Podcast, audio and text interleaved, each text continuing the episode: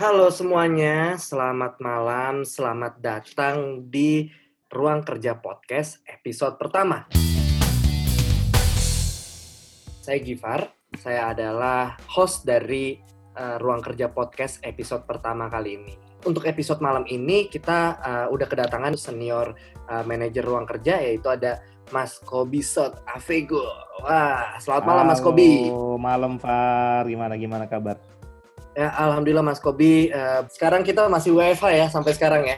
Masih WFH nih sampai sekarang nih, bener-bener kayak nungguin kapan gitu ya bisa masuk kantor lagi. Kangen juga sama macetnya jalan kadang. Oke oke, kurang lebih sama sih Mas Kob. Nah, jadi pandemik ini buat banyak hal yang berubah ya Mas Kobi ya. Eh, hal-hal uh, yang terjadi yang biasanya kita uh, kerja itu tatap muka langsung, ternyata sekarang kita harus dipisahkan oleh jarak. Tapi tetap harus produktif ya Mas Kob ya di mana pun dan kapan pun untuk uh, berada. Nah, sampai malam hari ini kita masih rekaman ya Mas Kope? Okay. Masih. Kita masih rekaman untuk sharing-sharing nih mengenai hal-hal seputar pekerjaan. Yang mau kita topik pertama kita bahas adalah di bidang yang sangat amat uh, sudah lama Mas Kobi gelutin. Oke, okay? yaitu adalah di bidang sales, Mas Sales. Betul ya Mas Kobi ya? Betul, betul Far. Kebetulan gue ada, aku udah punya pengalaman ya kira-kira 10-11 tahun lah khususnya di bidang sales ini dan menurutku banyak banget nih hal-hal yang bisa kita pelajarin bareng-bareng di podcast ini khususnya untuk teman-teman yang tertarik mungkin ya ke depannya untuk menjadi seorang salesperson gitu. Mas Kop itu sendiri apakah dulu itu memang memulai karir itu dari bidang sales uh, yang emang uh, apa namanya dari ya level yang paling uh, awal ya Mas Kop ya. Ini kira-kira hmm. gimana nih mulainya tuh? Jadi sebenarnya pertama kali kerja itu aku sendiri itu bukan sales ya. Jadi lulus pertama itu kan lulusan engineering sebenarnya. Jadi nggak ada hubungannya sama sekali sama sales nih. Tapi as time goes by, I did some research. Jadi ada beberapa informasi mengenai sales di luar sana. In fact, pemimpin-pemimpin perusahaan itu kebanyakan backgroundnya memang sales nih, Far. Mm-hmm. Gitu, sehingga okay. that that makes me be, uh, believe bahwa yang namanya uh, posisi sales itu bukan posisi yang bisa dibilang apa ya receh gitu. Okay. Kenapa posisi sales ini jadi sangat penting di perusahaan? Kenapa uh, posisi sales ini sangat paling sering dipercaya gitu ya untuk menjadi pemimpin nantinya. Sedangkan di Indonesia yang aku amatin itu banyak orang yang merasa bahwa kerjaan sales ini bukan pekerjaan yang seksi. Mungkin Gifar sendiri ngalamin gitu kayak sebagai seorang sales atau orang yang pertama kali masuk ke dunia sales awalnya dulu waktu ngomong sama orang tua gitu sama teman-teman. Jadi apa kerjanya? Jadi sales itu kan kadang dilihatnya sebagai konotasi negatif gitu kan kayak dicibir gitu. Aduh ngapain jadi sales jualan apa? Jualan rokok jualan koran katanya gitu kan. Betul. Betul tapi, betul, betul, betul. tapi one thing that they don't know adalah bahwa ilmu-ilmu yang ada di sales itu sendiri itu tuh ilmu-ilmu yang sangat berguna dalam hidup in general. Itu okay. terlepas nanti kita pakai itu ke dalam dunia pekerjaan atau enggak itu ilmu sales ini banyak sekali yang sangat berguna untuk kehidupan kita pribadi Itu yang membuat aku percaya bahwa I can be a good salesperson and a good person juga. Jadi bukan cuma dalam hal pekerjaan aku bisa jadi orang yang uh, berkarir baik, tapi juga ilmu-ilmu ini bisa aku pakai dan membuat aku menjadi orang yang lebih baik di luar sana gitu. Nah, ini yang nggak banyak orang sadar sehingga uh, banyak orang berpikir sales itu pekerjaan yang kurang keren gitu dibanding sama yang lain. Nah, dikarenakan itu makanya juga banyak uh, informasi di luar sana mengenai sales yang tidak terbuka umum karena nggak banyak yang suka. Kita tahu dari sisi apa namanya supply demand ya, Par ya. Mm-hmm. Kalau demandnya sedikit tentang sebuah informasi tentu otomatis supply-nya pun akan sedikit. Mm-hmm. Ya kan, tapi kalau misalnya demandnya banyak, kalau kita lihat sekarang hampir semua informasi di sosial media itu ngomongin tentang engineering, tentang data, ya kan, lagi hot-hotnya. Tapi tentang sales ini jarang sekali dibahas. Gitu. Nah, kita mau bahas itu sih tentang seberapa seksinya sebenarnya, seberapa menariknya pekerjaan sales ini dan kalaupun stressful yang tadi Gifar bilang gitu kan, banyak orang bahkan sudah berapa tahun jadi sales masih takut untuk menghadapi rejection, itu sebenarnya ada seninya di mana kita bisa menghadapi semuanya itu dengan kepala dingin dan dengan tenang gitu loh Far. Oke. Nah, ini Mas Kop nih, ini menarik juga nih Mas Kop. Uh, ada beberapa orang yang masih struggling tentang bagaimana cara menghadapi klien dan untuk mengidentifikasi potensial atau not potensial klien. Jadi kita mau coba untuk masuk di awalan yang agak sedikit lebih teknis nih Mas Kop. Setelah tadi kita ngobrolin soal background. Ini boleh Hmm. dijelasin dikit nggak Mas Kop? Oke, sebenarnya kalau kita ngomongin menghadapi klien itu kan memang apa ya tugas utamanya seorang sales adalah menjual ya kan, Hmm. menjual apa pun yang kita miliki produk atau jasa apa pun itu yang kita miliki yang perusahaan kita punya dan memastikan bahwa eh, barang itu laku di pasaran kan begitu ya. Ya, betul. Nah tentunya itu berhubungan dengan target, Far. Jadi itu dulu mungkin aku perlu bahas nih target dulu nih. Sebenarnya kalau kita sadar tentang target dan kenapa kita mengerjakan sesuatu, pekerjaan sales itu bukan pekerjaan yang uh, stressful gitu tentunya, bukan pekerjaan yang Tidak semenakutkan itu ya Mas Kobi ya? iya nggak semenakutkan itu karena apa? Sebenarnya target itu yang sudah dipasang sama perusahaan kepada kita. Jadi yang banyak bikin orang stres dalam bertemu klien itu ada ada pressure gitu loh, ada pressure untuk closing the deal immediately. Oh, oke. Oke. Gitu. Padahal Oke. padahal sebenarnya sales itu bukan masalah immediately-nya tapi lebih ke closing the deal-nya. Gitu. Jadi semua ada waktunya lah istilahnya ya Mas Kobi ya? Iya bukan berarti juga kita apa namanya procrastinate gitu ya, menunda-nunda gitu kan kayak ya udahlah kita kerjain besok aja atau lusa atau minggu depan gitu. Enggak, cuman there is always a good time to close the deal gitu dan itu nggak bisa dipaksakan gitu. Sometimes when your client is not really up to it, kasarnya gini deh, waktu kamu lagi nggak mood makan martabak nih, Far, lagi nggak pengen makan martabak gitu, nggak peduli tuh martabak dibikin fotonya secakep apa pun gitu kan, dibilang diskon, ya emang nggak pengen mau gimana gitu. But there is time di mana ada kalanya seorang giver gitu kan, mungkin teman-teman yang lain itu juga pengen makan martabak. Kalau udah kayak gitu, mau martabaknya jauh juga disamperin nggak? Hmm, betul. Iya kan? Betul. Oke, got it Nah. nih, got it, got it. Jadi target itu sendiri. Jadi mesti artian dipasang. sebenarnya emang memang ada momentumnya ya Mas Kobi ya? Berarti ada ya? momentumnya gitu ada momentumnya di mana uh, ada kalanya klienmu itu benar-benar berapi-api untuk selalu menelan apa pun yang kamu tawarkan kan gitu. Baik itu jasa ataupun produk. Cuman ada kalanya juga mereka lagi kenyang gitu. Dan itu kamu harus sensitif. Nah yang perlu disadari adalah pressure untuk closing the deal secepatnya itu itu tentunya biasanya didasari dengan target yang dipasang perusahaan gitu kan. Biasanya ada target bulanan gitu kan. Terus biasanya pressure itu datang karena dia bulan ini merasa belum achieve udah tanggal 20 10 hari lagi dilihat gitu kan. Terus dia pressure nih. Jadi kayak tertekan, stres. Padahal sebenarnya kalau target itu dipasang dan kita mengetahui produk kita ini life cycle-nya berapa lama atau jasa kita ini life cycle-nya berapa lama dari awal dibikin atau ditawarkan sampai closing the deal. Kalau kita sudah menyadari itu semua target yang dipasang, tentunya kita bisa merencanakan Hmm. dong, ada planningnya dong. Iya kan, kasarnya gini deh, kalau kita sama-sama tadi lagi lapar ya, kita lapar, kita tahu masak Indomie itu tiga menit, gitu ya. Tentunya kita tahu masak Indomie 3 menit itu artinya kita mem- bisa mempersiapkan dong. Kalau aku mau makan malam jam 7 nanti, ini sih udah jam 7 kurang 5 kelaparan. Aku sempat bikin Indomie. Gitu kan?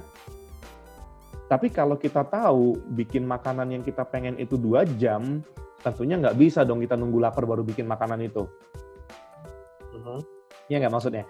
Paham sampai sini paham gitu Pak? Artinya kalau kita tahu target yang dipasang perusahaan, kalau kita tahu cara mainnya Betul, kita dan betul, betul. berapa lama, maka Betul. kita akan dengan dengan dengan sadar Betul, akan mengurangi kesetresan di akhir bulan kan gitu, di akhir di akhir deadline.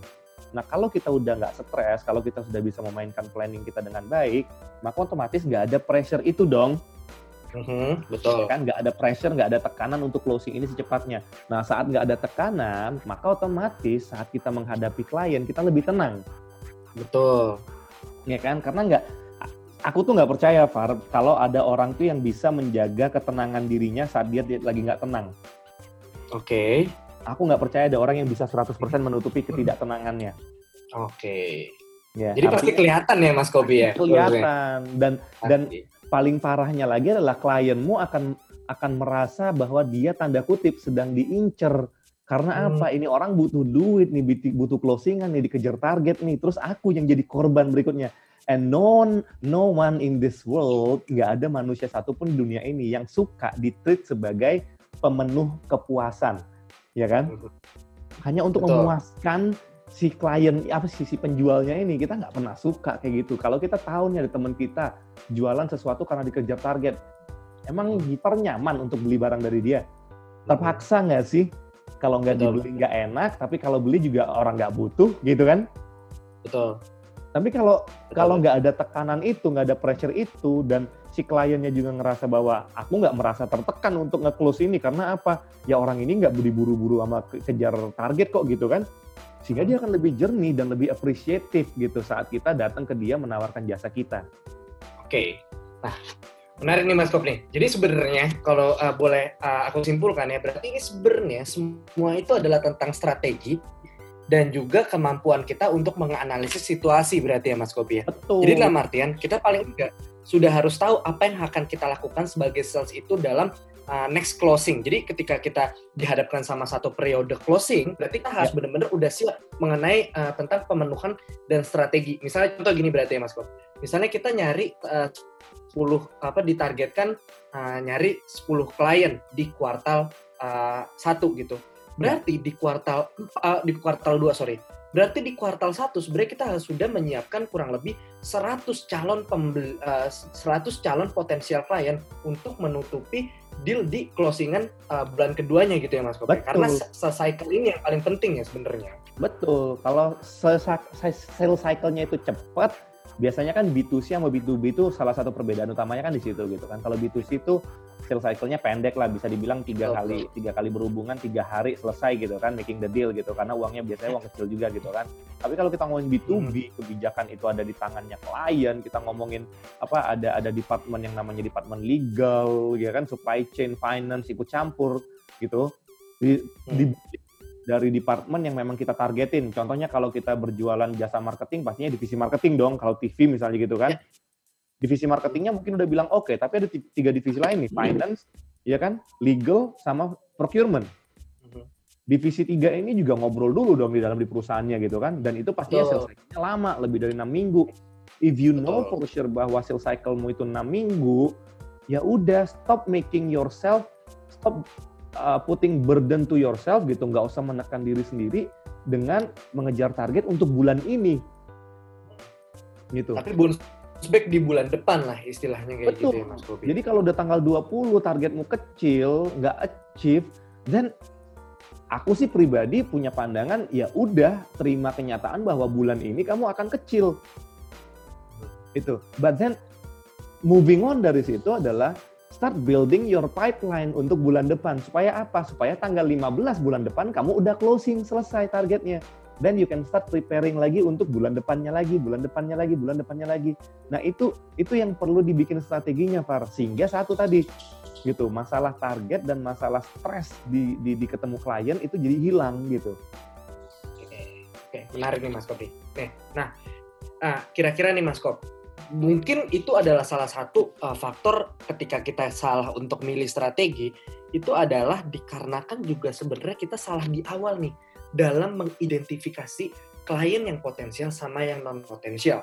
Ya. Jadi dalam artian kadang kita ngejar sesuatu yang tidak potensial nih Mas Kop. Ini klasik Betul. banget nih. Para sales nih klasik banget yang kayak gini nih. Lo punya tips nggak sih? Eh, Mas Kop punya tips nggak sih kira-kira apa sih uh, yang uh, sekiranya uh, Mas Kop sebagai orang yang udah lama di sales nge-view klien yang potensial tuh yang kayak gini atau yang non potensial yang kayak gini gitu. Ciri-cirinya aja sederhana aja gitu. Ada nggak? Simple. Tipsnya adalah tanya tanya hmm. dulu tentang apa yang mereka butuh atau yang mereka oh. pengen deh karena mungkin nggak banyak orang nggak banyak klien itu di awal-awal tahu apa yang mereka butuh mereka cuma tahu di batasan apa yang mereka pengen. Ya. Kadang kalau kita tanya butuhnya apa mereka butuhnya Superman tapi budget mereka ternyata cuma kacang panjang. Ya cak super, Superman nggak yeah. makan kacang panjang kan gitu? Betul. Mereka bakal membahas tentang apa yang mereka pengen dulu gitu kan? Sebelum mereka ngomong apa yang mereka butuh. Gitu tentunya. Nah cari tahu dulu, tanya sama mereka. Gitu kira-kira apa yang mereka pengen. Nah, setelah kita tahu apa yang mereka pengen, baru kita cari tahu lagi, kita dig down lebih dalam lagi, selama ini yang mereka pengen itu sudah achieve atau belum? Sudah mereka dapatkan atau belum? Mm-hmm. Ya kan? Setelah mereka menjawab, kalau memang ternyata sudah, kira-kira udah puas atau belum? Oke. Okay. Intinya apa? Di dig down, di dig down, di dig down sampai ada kalimat dari mereka, dari klien ini sendiri berkata bahwa saya butuh Anda. Oh, oke. Okay. Untuk, gitu. untuk memulai proyek ini secepat mungkin gitu ya Mas Gopi ya? Nggak, nggak harus secepat mungkin, Far, tapi bisa juga gitu. cukup cukup sampai di titik dia ngomong, ya itu kenapa mas saya menghubungi Anda, karena kita butuh. Saat dia udah hmm. berkata seperti itu, itu jadi potensial. Oke, okay. okay.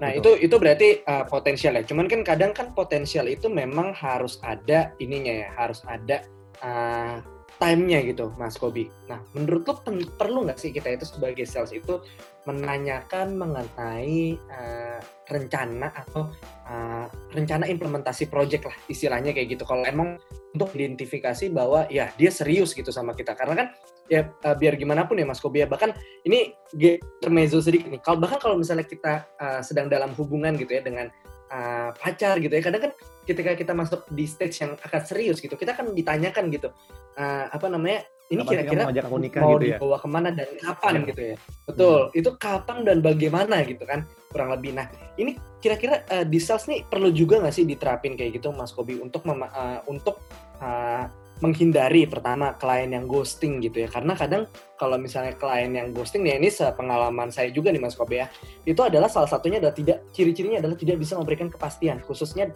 gambaran awal mengenai timeline contohnya kayak misalnya dia bilang hmm, ya ini deh mas nanti kita kabarin lagi. Itu kan klasik banget ya mas yeah. udah kalau sampai situ ya udah. Udah selesai gitu ya istilahnya. Yeah. gitu itu penting nggak menurut lu untuk uh, nanyain dulu gitu mengenai kira-kira uh, saya mau tak apa waktunya kapan ya bu untuk implementasinya? Kira-kira perlu nggak sih mas Kobi untuk itu? Menurutku pribadi itu sangat perlu untuk dilakukan dengan syarat. Syaratnya apa? Yang pertama tadi saat sudah dapat kita konfirmasi bahwa dia butuh kita Oh gitu. Berarti kita uh, nanya dulu mengenai uh, mereka sejauh apa interest sama kita. Jangan kita ngepus mereka dulu untuk cepat-cepat ya istilahnya. Betul, betul. Kalau dia aja belum ngomong aku butuh kamu untuk membantuku menyelesaikan masalah A B C D E, then apa gunanya kamu tanya kapan mereka butuhnya atau kapan mereka expect-nya akan menyelesaikan proyek ini karena they don't need you anyway gitu. Itu kenapa tadi kalau Gifar pakai analoginya orang pacaran, itu udah pasti mereka saling butuh dong. Makanya Betul. bisa ditanya gitu kan, kapan kamu mau nikahin aku kan gitu. Betul, betul, betul. Tapi kalau dianya sendiri masih PDKT, bayangin nih baru PDKT, belum pacaran, udah nanya kapan kamu nikahin aku, eh gitu gila kan gitu kan perempuannya namanya gila. Nggak, nggak ya, nggak, nggak apa namanya, uh, pasti akan jadi aneh sekali dan awkward aneh. sekali pasti. Awkward betul, pasti gitu. Orang dianya sendiri baru presentasi, terus kita gitu, nanya, bapak menurut bapak kira-kira kapan nih akan menggunakan jasa atau produk kita, membeli produk kita? Lah emang gue butuh, kan gitu ya, dia bakal berpikirnya gitu betul, ya. Betul, betul, betul. Tapi menarik, saat mengkonfirm bahwa saya punya masalah sekarang dengan apa yang saya miliki dan saya butuh kamu untuk membantu saya menyelesaikan masalah itu, nah baru kita bisa berhak bertanya bahwa kapan Pak Bapak butuhnya, kapan ini akan di carry out, gitu. Oke, sip. Nah, nanti Mas Kobi nih. Oke. Nah, berarti dalam artian untuk mengidentifikasi itu sebenarnya nggak terlalu susah banget ya. Cukup kita lebih lebih aktif untuk menanyakan ya mengenai kebutuhan mereka gitu ya. Begitu mereka udah ada ketergantungan atau um, menyatakan ketertarikan mereka atau kebutuhan mereka gitu baru nanti kita akan tanya lebih ke teknis ya berarti ya Mas Kobi ya. Baru kita bisa uh, memutuskan apakah klien ini mau kita seriusin atau enggak gitu ke depannya ya. Betul makanya sebenarnya skill set seorang sales itu bukan menjelaskan tapi bertanya Pak. Oh bagus sekali nih. Ini buat teman-teman yang nanti yang uh, denger uh, buat teman-teman sales yang denger juga ini ini bagus banget ya kutipannya bahwa sales itu bukan hanya tentang mempresentasikan, tapi tentang menanyakan dan mengidentifikasi Betul. mungkin nih Mas Kobe. Betul. Okay. Betul. Karena apa? Saat kita salah mengidentifikasi, salah bertanya, kita dapat informasi yang salah, maka otomatis informasi yang kita sampaikan atas informasi yang kita terima itu juga pasti akan salah dong. Great. Betul ya? Sama oh, kayak dokter deh, dokter sama pasien gitu. Kalau ya. dokter salah mengidentifikasi penyakit pasiennya, maka otomatis obatnya salah. Betul, betul, betul. betul. Pasiennya okay, antara okay. antara dia makin sakit, ya kan? Hmm. Atau nggak sembuh-sembuh. Dan dan yang uh, dan yang hal-hal yang kayak gitu kadang-kadang nggak nggak jarang juga sebenarnya merusak merusak image kita juga ya sebagai seorang sales atau bahkan yang lebih buruk lagi sebagai korporasi ya Mas Kopi. Nanti Betul. dianggap terlalu ngepus klien itu jadi jadi buruk gitu ya istilahnya. Ya. Betul. Ya, gitu. Nah ini lagi plusnya Far, saat kita di depan tadi sudah mengetahui bahwa memang dia sudah secara gamblang ya belak-belakan berkata bahwa itu kenapa Mas kami butuh kamu, itu kenapa kita menghubungi kamu karena kita butuh bantuan dalam hal ABC gitu. Itu juga yang akan membuat nanti ke belakang apa pun yang kita tawarkan mereka mereka akan menerima. Oke. Good. Good. Iya kan? Betul, betul. Kalau kalau dia bahkan Betul. belum ngomong butuh, kita ngasih yang enak pun nggak bakal mau. Balik Betul, lagi betul. contohnya tadi ke martabak. Orang lagi nggak lapar mau dipajang martabak keju, kayak martabak coklat, kayak kacang, kayak apa, Oreo, blueberry terserah, nggak dimakan gitu. Nah, bedanya kalau dia udah kelaparan, ya lu kasih, Gifar kasih makanan yang martabak tapi martabak tipker yang nggak ada isinya pun disikat, betul nggak? Betul. Betul, betul, betul. Oke, oke, oke. Sip, menarik banget Mas Kobi nih. Nah, ini bagus banget nih.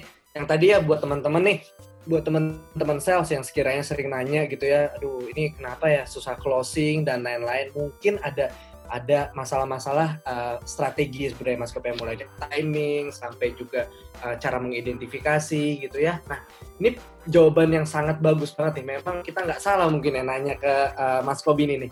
Karena jawabannya bagus sekali untuk ini. Dan uh, saya pribadi mas sebagai seorang sales ini penting nih untuk bisa tahu mengenai hal ini. Tuh kadang-kadang ini luput nih dari kita karena kita sudah terlalu under uh, pressure duluan. Gitu. Betul. Nah, next Mas Kop, aku mau nanya lagi nih kira-kira ya. Ah, Oke, ini next topik nih Mas Kop nih sebenarnya. Ini masih topik yang sama sorry, tapi maksudnya eh, bahasan lain. Kadang gini Mas Kop, dengan eh, apa namanya, dengan gagalnya kita, apa dengan eh, kesulitannya kita untuk melakukan closing gitu ya Mas Kop ya. Ini kan mengha- eh, memberikan kita pada end resultnya adalah penurunan performa ya Mas Kobi ya. Ya pastinya. Nah, penurunan performa ini, ya penurunan performa ini, ini tuh dampaknya sangat amat gak bagus banget nih, Mas Kobi nih.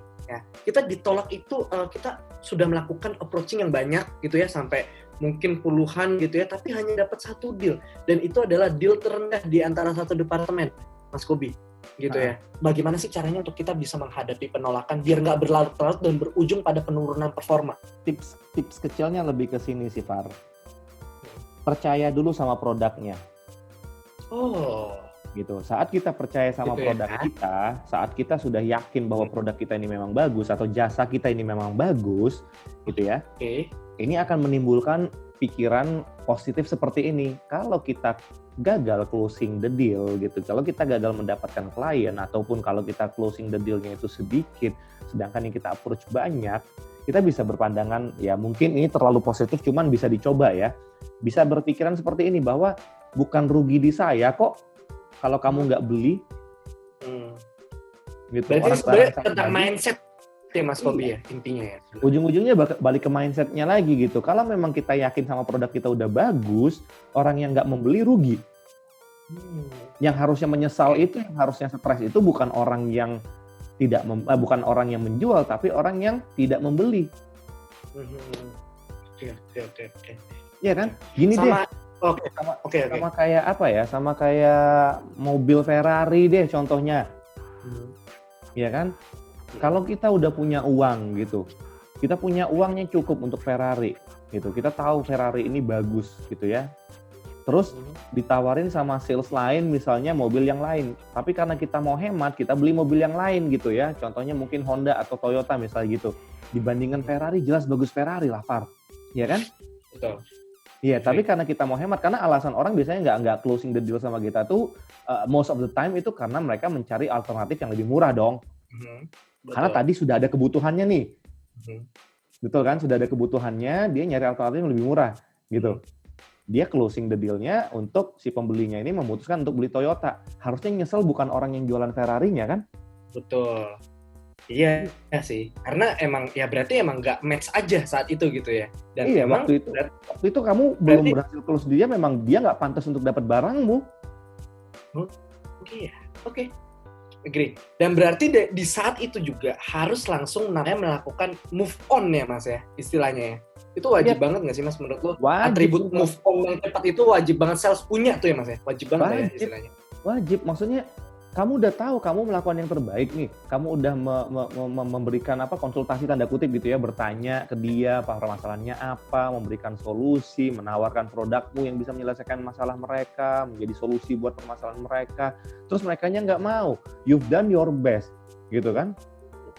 Yang nyesel harusnya siapa? Yang nggak ngambil, gitu. Oke. Harusnya yang sudah do the best itu ya sudah merasa bahwa cukup puas dengan effortnya. Okay. Gitu. Karena ada ada ada satu satu kalimat yang menarik nih Far gitu. Hmm. Ini kalimat yang dikatakan oleh orang-orang tua gitu ya. Orang-orang tua yang sudah di deathbed, biasanya sudah menjelang kematiannya gitu ya, udah mendekati umur-umurnya gitu. Mereka tuh selalu berkata, aku tuh menyesal tidak melakukan A, tidak melakukan B, tidak melakukan C. Mm-hmm. Betul ya? Betul. Tapi sangat jarang ada orang yang mengatakan bahwa orang tua mengatakan bahwa aku menyesal sudah mencoba A, B, C.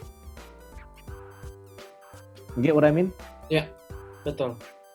We will be more disappointed betul. Betul, towards betul, the thing that we didn't do. Mm-hmm, betul, betul. Kan? Nah, ya. kalau kita udah yakin, kita udah ngelakuin semuanya dengan yang terbaik, terus kita masih nggak bisa closing the deal, secara logika atau secara manusia harusnya kamu nggak perlu disappointed lagi dong.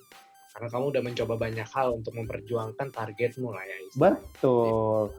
Gitu. Kecuali kalau kamu belum usaha. Itu, itu pun kamu itu betul. pun kamu nggak berhak untuk marah sama kliennya. Betul. Iya kan? The only person you can blame adalah dirimu sendiri. Kalau memang kamu belum berusaha tapi kamu nggak dapet deal ya make sense orang nggak nanem ngarepin menuai lah ya, nanem dulu brah betul Iya kan gitu. Gre, gre, gre, gre, gre. Oke, ini berarti bagus banget nih juga nih buat teman-teman sales yang lain nih bahwa sebenarnya uh, penolakan itu adalah tempat kita untuk melatih mental sebagai seorang sales. Karena tidak ada sales yang tidak ditolak. Impossible. Gak ada. Mustahil. Gak ada. Gak ada. Betul ya Mas Gobi ya? Bahkan kamu jualan handphone iPhone aja ditolak orang kok. Betul, betul, betul. Itu jadi menghadapi penolakan sebenarnya itu tidak ada uh, technical tipsnya. Cuman ini sebenarnya lebih kepada membangun mindsetnya berarti ya Mas Kobi ya untuk betul, itu ya. Betul, betul. Pertanyaan nomor satu setelah kamu gagal, sesaat setelah kamu gagal, kamu tanya ke dirimu sendiri, have I done enough? Apakah aku sudah melakukan yang cukup, uh-huh. yang terbaik untuk ini? Kalau jawabannya yes, then move on. Kalau jawabannya no, then learn. Oke. Okay. Gitu. Belajar dari situ. Kemarin salahku di mana ya? Oh, kemarin aku terlalu kayak gini, terlalu kayak gini. Oh, mungkin aku kurang kayak gini, kurang kayak gini. Dan perbaiki. Makanya sales itu bisa dibilang seni sih, Far. Nggak ada ya. rumusnya. Ya. Betul, betul. Agree banget. Agree banget. Oke, oke, oke.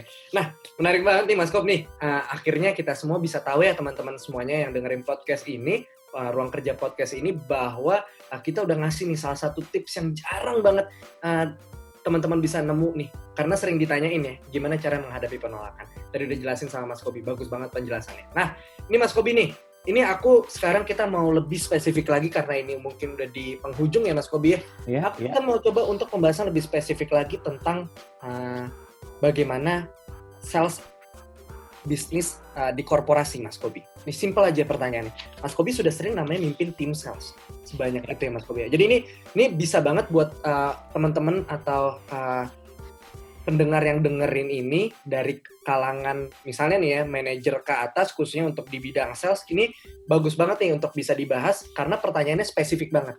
Pertanyaan gini Mas Kobi. Mas Kobi gimana caranya menghadapi performa tim yang sedang uh, down?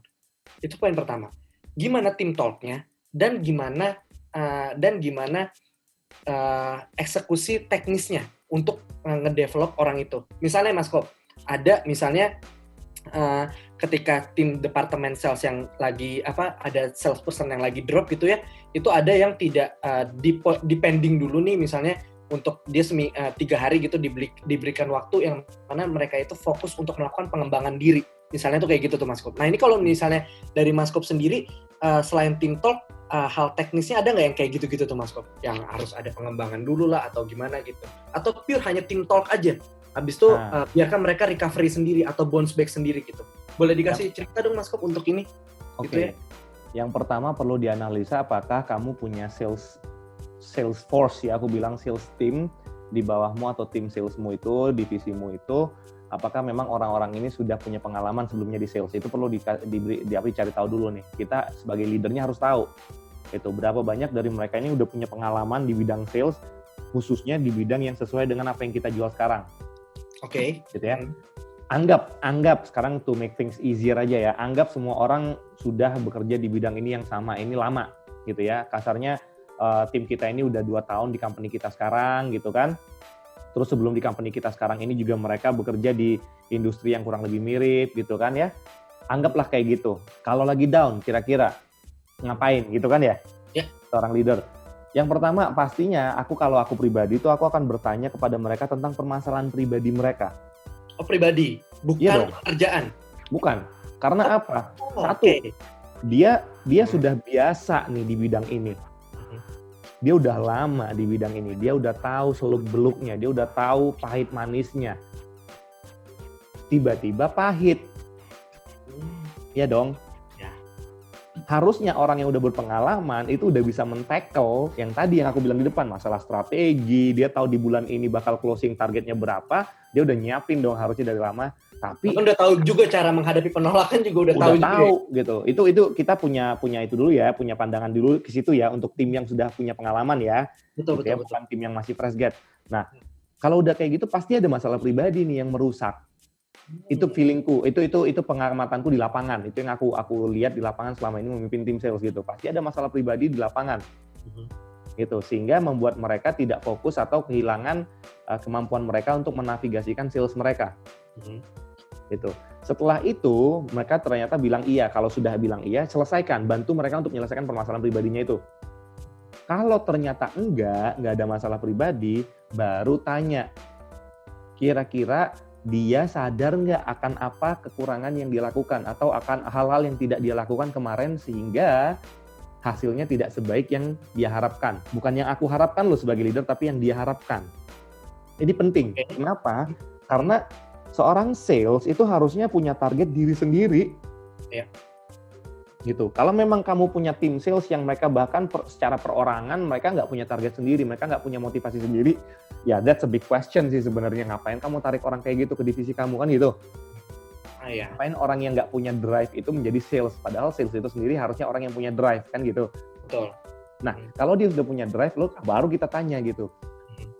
Kira-kira apa kemarin yang kamu nggak lakukan atau yang kurang kamu lakukan atau yang kira-kira kemarin kesalahan kamu apa sehingga kamu nggak achieve ini? Mhm. Then helps help dalam membantu membantu mereka untuk menyelesaikan permasalahan itu tadi.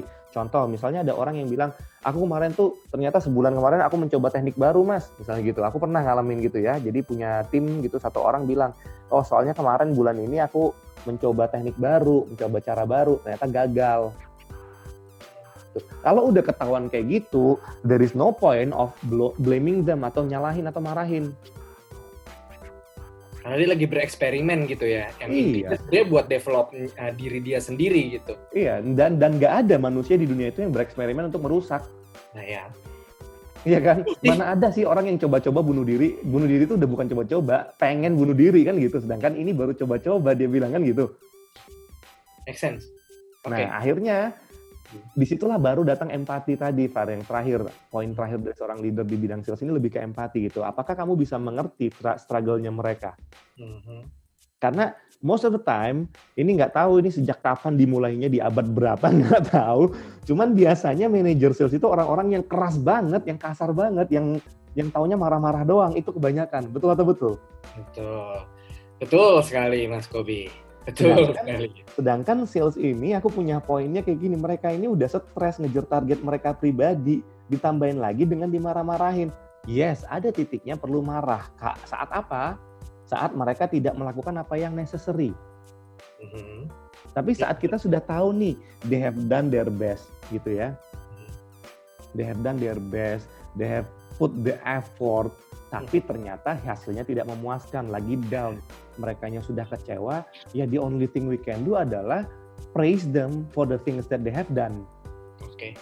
Kamu kemarin good job bagian ini, bagian ini, bagian ini, baru sebagai leader kita juga membantu mereka untuk boost the moral dengan cara ya udah yuk kita sama-sama forget about the past gitu kan. Misalnya udah tanggal 25 gitu tinggal lima hari lagi closing gitu kan. Akhir bulan kan 30 misalnya lima hari lagi udah kayak gitu. Then give them a bit tanda kutip a bit of freedom. Artinya apa? Udah lupakan bulan ini. Itu I give you ya five days untuk mempersiapkan bulan depan. Oke. gitu. Itu yang bisa dilakukan seorang leader. Karena apa? The more we push towards the end udah tahu tanggal 25 gitu ya tanggal 30 closing tinggal lima hari makin kita push makin gak ada hasilnya saat nggak ada hasilnya dia makin stres bulan depan terulang lagi terulang lagi jadi lingkaran setan Pak Oke. menarik nih Mas Kob nih. Nah, ini nih apa namanya? Uh, uh, ini nih, ini yang poin penting nih. Selain itu motivasi itu kan penting banget ya Mas Kobi ya. Kita sering banget nih nemu hal-hal yang gak ajaib-ajaib lah gitu ya sales ya misalnya performa lagi turun gara-gara patah hati lah Mas Kob atau apa itu iya. banyak banget ya. Sering banget nih kita temuin nih Mas Kob nih untuk ini gitu. Nah, sering banget. Betul.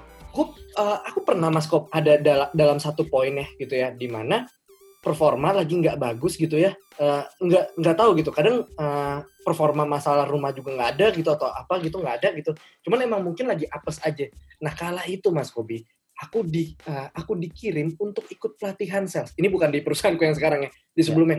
Aku di apa namanya istilahnya uh, aku di freeze nggak dalam waktu lama. Cuman aku diminta tiga hari ikut ya. training sales. Ya. Itu mas Kob nah oke okay, itu itu udah selesai gitu. Aku kira aku salah. Aku pulang apa aku pulang aku duduk. Terus habis itu aku uh, gak lama setelah itu gitu ya setelah itu uh, aku dapat info dari temanku yang salah satunya di ini salah satu kerja di perusahaan FMCG gitu. Nah. dia ternyata itu untuk mengalihkan fokusnya sales jadi sales itu katanya uh, kalau misalnya mereka lagi drop itu jangan dibiarin lompong. Betul. Lowong gitu ya. Nah dia ini dikasih uh, yang namanya stimulus pelatihan Mas Kobi lewat konten-konten yang menarik. Jadi dia pada saat dia drop ya udah dia sekarang punya side job untuk ngelakuin pelatihan. Dan ajaibnya Mas Kop satu bulan kemudian dia update di LinkedIn ternyata dia dapat predikat sales of the month saat itu. Padahal sebulan sebelumnya tuh dicerita bahwa gue juga lagi di freeze tapi sekarang fokus untuk ikut pelatihan gitu. Nah yeah. terus ini Mas Kop nih kira-kira Mas Kobi sendiri ngerasa nggak sih namanya developing sales itu adalah sebuah hal yang penting? Karena banyak orang itu istilahnya uh, memeras keringatnya sales tapi nggak di develop gitu gitu dan menurut lu treatment yang ideal tuh untuk bisa ngedevelop sales tuh kayak gimana ya Mas Kobi ya kalau boleh tahu ya? Nah itu tadi Gifar sendiri kamu sendiri yang bilang tadi di depan bahwa banyak orang kejebak di dunia sales. Iya. Yeah. It's not something that they really want sebenarnya. Tiba-tiba pekerjaan pertama mereka sales terus nggak resign 2 tahun pindah ke perusahaan berikutnya diketawarinya apa sales lagi karena apa punya pengalaman di dunia sales kan gitu ya banyak ya. orang kejebak tanpa dia sebenarnya tertarik atau dianya sendiri passionate di bidang itu. Nah saat orang udah nggak passionate boro-boro dia mau cari kulik ilmu hmm, gitu. kerja aja sekedarnya kan gitu. Hmm. nah itu kenapa I strongly agree bahwa yang namanya pelatihan sales itu sangat perlu gitu. Karena apa? Again untuk orang-orang yang sudah termotivasi tadi kita kita ada apa namanya ya udah punya klaim di depan bahwa kita ini membahas utamanya tuh sales-sales yang memang di bidangnya dan memang suka gitu ya. Kalau memang orang-orang udah kayak gitu, punya motivasi sendiri, punya goal sendiri, driven manusianya gitu ya. Mereka tentunya akan mencari dong ilmu dengan sendirinya. Tapi so. untuk orang-orang yang tidak seperti itu, maka otomatis seorang leader atau eh, perusahaan itu harus mau nggak mau put di extra mile, extra effort untuk ngasih mereka pelatihan yang mungkin, ini baru mungkin, bisa membantu mereka finding the passion. Gitu. Dengan knowledge yang baru.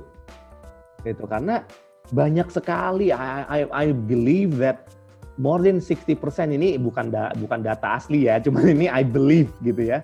I believe that more than 60% lebih dari 60% manusia orang yang bekerja di bidang sales itu bahkan mereka nggak tahu ilmu sales itu seperti apa.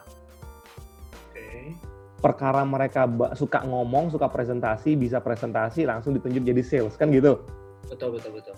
Padahal ilmu sales itu itu bukan hal yang balik lagi. Walaupun itu dibilang seni itu bukan hal yang gampang. Ini bukan yang instan gitu ya tiba-tiba besok jadi sales gitu nggak hmm, pasti perlu ada development gitu ya mas Kopi ya betul, dari itu ya.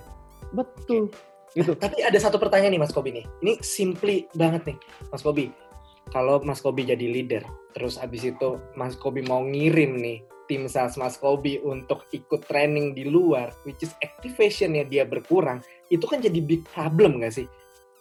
Mas Kobi buat Mas Kobi sendiri nih, itu kira-kira jadi itu big problem nggak? Uh, ya pasti dia akan kehilangan, apalagi yang uh, sales-sales yang B2C ya Mas Kobi ya, yang targetnya harian gitu, itu kan akan mengurangi banget ya yang namanya apa namanya yang namanya uh, apa pendapatannya gitu ya. Nah, ya. Uh, ada sih atau treatment-treatment atau considering gitu treatment pelatihan yang sekiranya untuk sales tuh yang ideal tuh menurut Mas Kobi, menurut pandangan Mas Kobi ini spesifik ya hanya untuk sales aja gitu. Yang ideal buat Mas Kobi tuh yang kayak gimana sih untuk pelatihan sales yang nggak perlu ngambil waktu mereka kelamaan, nggak perlu bikin mereka itu nggak dapat pemasukan, tapi yang bagus tuh yang kayak gimana Mas Kobi untuk Mas Kobi untuk pelatihannya? Yang bisa mereka nikmati di saat waktu luang. Di waktu luang berarti. Jadi iya. dalam artian yang emang sebenarnya enggak ya kayak tadi kan Mas Bobi bilang ya bahwa sales ini hidupnya udah tertekan lah ya istilahnya. Jadi iya. jangan pada saat uh, di work apa namanya di uh, jam-jam uh, kerja yang intens gitu ya Mas Bobi ya. Gini Far. Kalau untuk pelatihan yang di jam kerja itu itu ada ada dua take ada ada dua pandangan ya gini deh pelatihan itu satu tadi di jam kerja gitu ya atau di luar jam kerja gitu. Me personally I prefer pelatihan itu di luar jam kerja. Cuman kenapa banyak perusahaan dan aku juga pribadi mungkin dalam beberapa kesempatan, not always tapi beberapa kesempatan akan memilih pelatihan yang di jam kerja. Oke. Okay. Kenapa? Kalau aku tahu, itu aku akan memilih itu kalau aku tahu bahwa pelatihan yang di yang selama jam kerja ini walaupun mengorbankan revenue seseorang, seorang salesnya di saat dia mengikuti pelatihan ini sama seperti kayak mundur satu langkah untuk melompat dua langkah. Oke. Okay. Itu it's okay for me to sacrifice two days worth of deals gitu ya pendapatan dua hari untuk mendapatkan kenaikan 20% dari pendapatan bulanan mereka. Oke. Okay. Artinya apa? 20% dari 30 hari berarti pendapatan 6 hari dong gitu ya. Betul, betul. It's okay buat aku mengorbankan pendapatan dua hari gitu. Jadi trainingnya yang seperti apa dulu, I have to know gitu. Hmm. Tapi kalau training ini ternyata cuman kayak oke okay, ini kayak cuman refreshment atau eh oke okay, ini cuman kayak nambahin apa uh, nambahin pandangan baru atau jurus baru atau produk baru di luar sana atau apa pun itulah kayak skill presentasi. I don't think it's worth two days of revenue. Mm-hmm. gitu sehingga yang seperti itu maka aku akan prefer pelatihan-pelatihan yang di luar jam kerja tentunya pelatihan di luar jam kerja ini bukan pelatihan resmi karena apa? Again, kita punya kehidupan masing-masing. Nggak bisa juga perusahaan nyuruh orang ikut pelatihan di hari Sabtu Minggu. Mm-hmm. Ya oh. udah.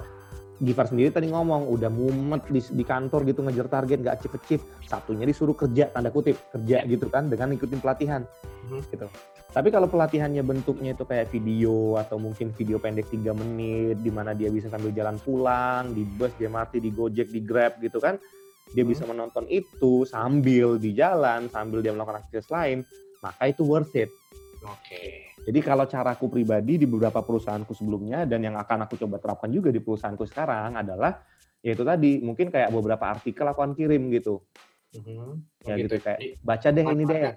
Nah, jadi maksudnya meminimalkan juga uh, tatap muka langsung ya, nggak ngambil waktunya para sales pada saat jam kerjanya mereka gitu ya. Gitu. Iya, kalau bentuk pelatihannya itu kayak cuma nambahin satu dua ilmu baru gitu kan. Betul, betul, Tapi kalau untuk bisa mem, bisa proven artinya aku bisa yakin bahwa uh, training yang akan diberikan ini benar-benar bisa naikin 20% performance gitu di bulan depan. Ah, it's okay for me to let them go for two days gitu. Ini juga bisa dibilang tanda kutip kayak uh, refreshing lah gitu kan atau cuti tambahan tapi cutinya ini masih bertanggung jawab atas pekerjaannya walaupun tidak necessary langsung ngomongin tentang making a deal gitu kan making revenue gitu.